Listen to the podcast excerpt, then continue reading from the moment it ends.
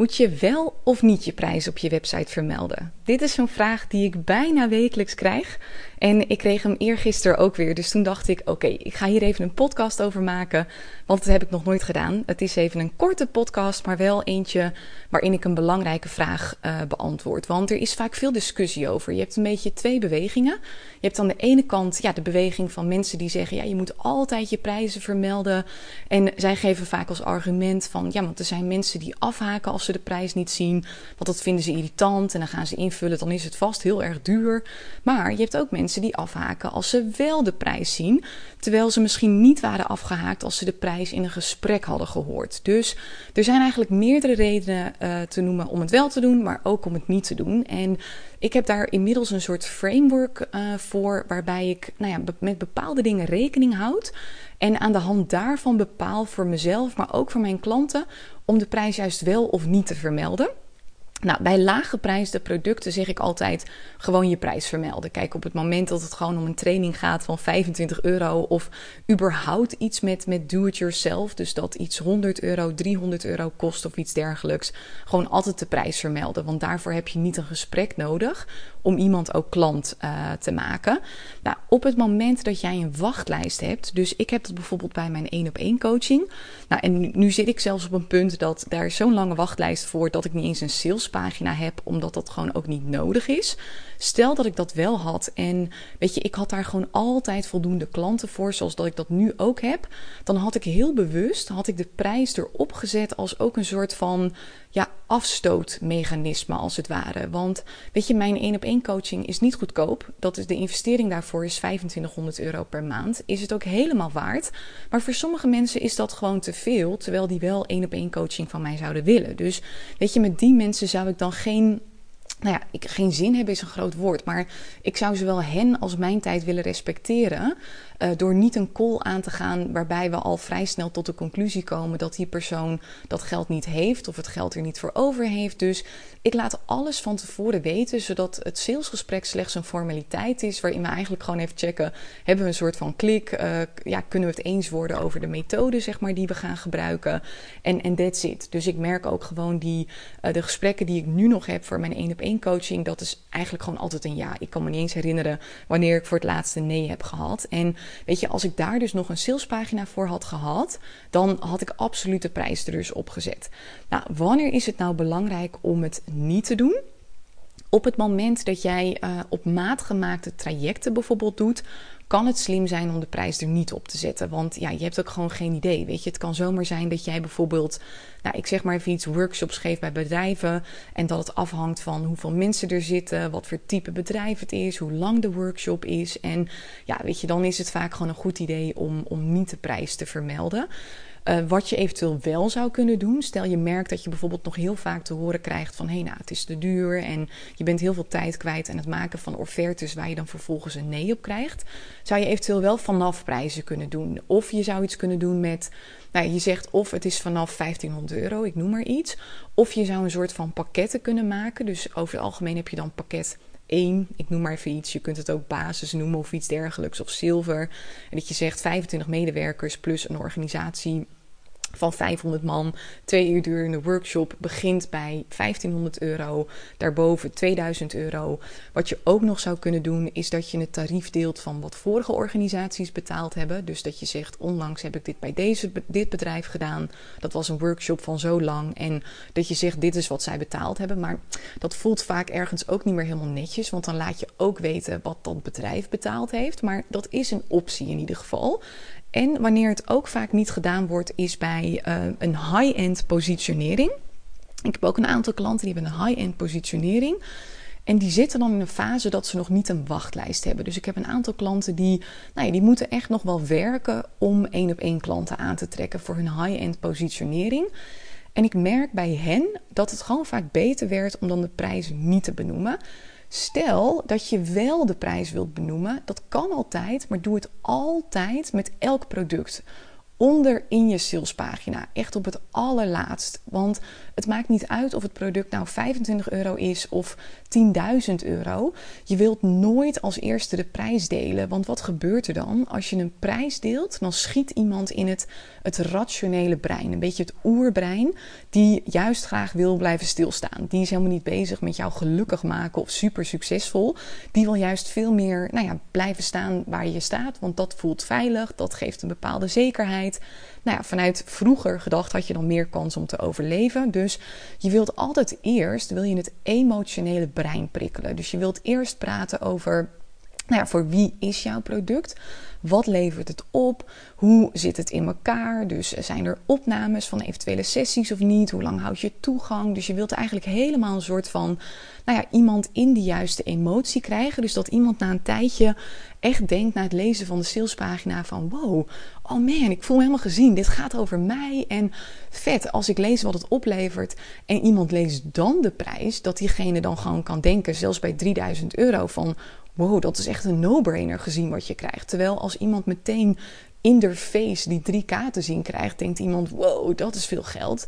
Want in absolute zin is het ook heel veel geld. Maar in relatieve zin, als je het vergelijkt met wat jouw traject bijvoorbeeld kan opleveren, is het helemaal niet zoveel geld. En de reden dat ik zeg dat. Um, dat het bij dat high-end stukje waarbij je één op één verkoopt soms slim kan zijn om het in het gesprek te doen, is omdat, kijk, je kunt met een salespagina altijd tot een bepaald punt een bepaalde emotie prikkelen. En dat doe je vaak door, nou ja, door referenties te delen, waardoor ze meer vertrouwen gaan voelen, meer rust om, om een call aan te vragen bijvoorbeeld, of, of bij jou in te stappen. Dat kun je doen door verbinding te creëren, je verhaal te delen, heel goed te delen wat, wat een traject oplevert. Maar je kunt altijd maar tot een bepaald punt komen. Dus er zijn gewoon ondernemers. En ik merk dat bij mezelf ook gewoon nog steeds. Dat je voor bepaalde producten, vaak de wat meer premium producten, dat je gewoon een, ja, een call nodig hebt. Want, want dat herken je misschien bij jezelf ook wel. Dat, kijk, op het moment dat je een salespagina leest, kun je vaak wel geprikkeld worden. Maar dat gaat nooit zo diep als wanneer je met iemand in een gesprek zit. Je voelt je helemaal gezien, gehoord. En um, weet je, ik merk bijvoorbeeld ook vaak dat als ik met iemand dan in een één op één gesprek zit, een salesgesprek, zeg maar, of een matchgesprek, hoe je het ook maar wilt noemen, dat iemand ook vaak geraakt wordt. Er zijn vaak al tranen en we gaan veel dieper. En dat maakt dat iemand ook veel meer dan vanuit vertrouwen kan zeggen ja, weet je, dit moeten we gewoon gaan doen. Ook al is het 10.000 euro. Dus in die zin kan het dan voor je werken om de prijs niet op de pagina te delen. Verder wel alles te delen. Iemand vooral zo te prikkelen dat diegene denkt: ja, ik wil gewoon een call inplannen. En dat je in die call dan de rest eigenlijk geeft qua emotie, qua informatie. En dan op het einde van die call de prijs pas benoemt. Dus wat je dan eigenlijk vooral doet, is dan verkoop je op de salespagina nou ja, wel het traject, maar eigenlijk vooral bijvoorbeeld een, een. Stel je bent business coach, dan werkt het heel goed om bijvoorbeeld een gratis strategiegesprek te verkopen. Dus dat je zegt van: hey, vraag een gesprek aan. Ik deel in dat gesprek meteen drie dingen die ik bij je zie, waar jij nog kansen laat liggen. Dus, dus dan maak je iemand ook nieuwsgierig, dat diegene denkt van: oeh, nou, ik ben toch eigenlijk wel benieuwd. Wat, wat ziet deze persoon voor mij? En dat kan je ook doen op het gebied van, van zelfvertrouwen of marketing, branding, websites, noem het maar op. Dat kan op allerlei gebieden. En dat je dan in die call geef je eigenlijk al een soort van mini-coach sessie of iets dergelijks. En van daaruit ga je dan de upsell doen en de prijs benoemen. Maar dan voelt iemand zich al gezien en geholpen. En weet je, dan is gewoon de, ja, de investering komt heel anders binnen. Dus wat ik vaak ook zeg op het moment dat je twijfelt. Ga het ook gewoon split testen. Dus ga een tijdje bijvoorbeeld werken met, nou ja, laten we zeggen, twee, drie maanden de prijs onderin benoemen. En echt een goede salespagina maken. Dus dat je bovenin, dat het niet een super korte salespagina is met alleen maar wat informatie en dan bam de prijs. Maar gewoon echt heel duidelijk uh, wat het oplevert, voor wie het is, de referenties, jouw verhaal. Dus eigenlijk echt dat je de, het complete plaatje toont dat je dan op het einde de prijs benoemt. En daarna bijvoorbeeld dat je drie maanden gaat testen met het complete plaatje tonen. Maar bijvoorbeeld vooral het gesprek uh, verkopen. En dan in het gesprek de prijs uh, benoemen. Dat, dat kan vaak heel goed helpen. En eventjes een bonus tip nog. Dit werkt vooral vaak goed bij de high-end ondernemer.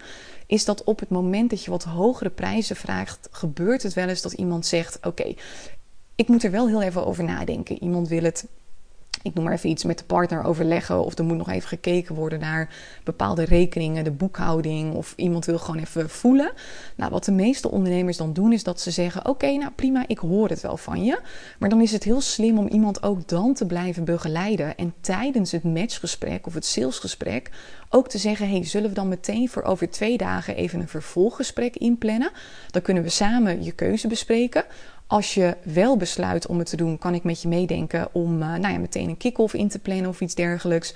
Als je besluit om het niet te doen, kan ik nog in ieder geval even met je meedenken van nou ja, is er een plan om, om het eventueel binnenkort te doen, zodat het financieel mogelijk kan worden gemaakt. Of dat je eventjes zegt van nou ja, ik. Um, dan kan ik even met je meedenken of er bijvoorbeeld een andere business coach is die je even kan helpen.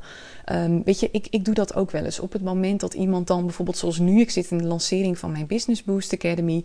Nou, dan gebeurt het wel eens dat iemand uiteindelijk gewoon nee zegt. Omdat we, nou ja, onze visies zijn misschien niet hetzelfde. Of de BBA is gewoon niet helemaal in de vorm wat, wat uh, de voorkeur heeft van die persoon. En weet je, dan ben ik ook gewoon bereid om te denken van hé, hey, wat zoek je dan wel? En weet je, ik ken vaak ook weer andere business coaches. Daar kan ik ze dan weer, weer naar verwijzen. Nou, sommige mensen werken dan ook nog met affiliates. Dus dan heb je er zelf uiteindelijk ook nog weer iets aan, uh, financieel technisch gezien. Dus weet je, het is gewoon heel slim om dan zo'n follow-up call uh, in te plannen. Ik doe dat niet bij mijn Business Boost Academy, want weet je, ik kan voor 80% kan ik die gewoon verkopen zonder sales call. Dus ik heb dat niet nodig en ik vind dat dan in dat geval zonde van mijn tijd. En ik merk gewoon dat, nou ja, in 95% van de gevallen komen ze gewoon zelfstandig, vaak binnen 24 uur al bij me terug met gewoon een ja. Op het moment dat dat bij jou anders is, dan kan ik je dus wel aanraden om even zo'n follow-up gesprek in te plannen. Voordat mensen, nou ja, weet je, mensen zijn soms ook gewoon een beetje, nou ja, niet netjes met dat soort dingen. Dan verdwijnen ze gewoon opeens. Dat je echt denkt, huh? Hallo, weet je, we hebben gewoon net een vet diepgaand gesprek gehad en nu hoor ik opeens niks meer van je. Dus nou dat weet je dan ook te voorkomen. En wat er ook vaak gebeurt is dat mensen, ja, die schieten toch, zeker bij het doen van een grote investering, vaak een beetje in de angst. Dan gaat gewoon je ego gaat tegen je tetteren van, ja, maar komt het nu wel goed uit? Want je hebt ook net een huis gekocht of je staat op het punt om te gaan trouwen. En ja, is dit wel helemaal ideaal? Dus weet je, en, en heel vaak zitten mensen daarmee en, en dat delen ze dan bijvoorbeeld ook. En wat gebeurt er dan bij veel ondernemers? Dan zien die dat een beetje als, oh, nou, dan wil ze het niet of hij wil het niet. Terwijl het heel vaak, veel vaker is het een soort schreeuw om hulp. Ik merk dat ook bij mezelf. Dan delen mensen een situatie met me en dan is het niet als een soort excuus, maar meer zo van indirect vragen ze Tinke. Dit is wat mijn hoofd doet, maar ik wil het eigenlijk wel. Maar help me even, hoe kan ik het anders zien? En dat kun je dan ook meteen doen in zo'n vervolggesprek. Dus nou ja, dat is even een, eh, een extra bonus tip. Ik hoop dat je hier wat aan hebt. Um, tof dat je hebt geluisterd en uh, ik wens je nog een hele fijne dag. Morgen komt er weer een podcast online te staan.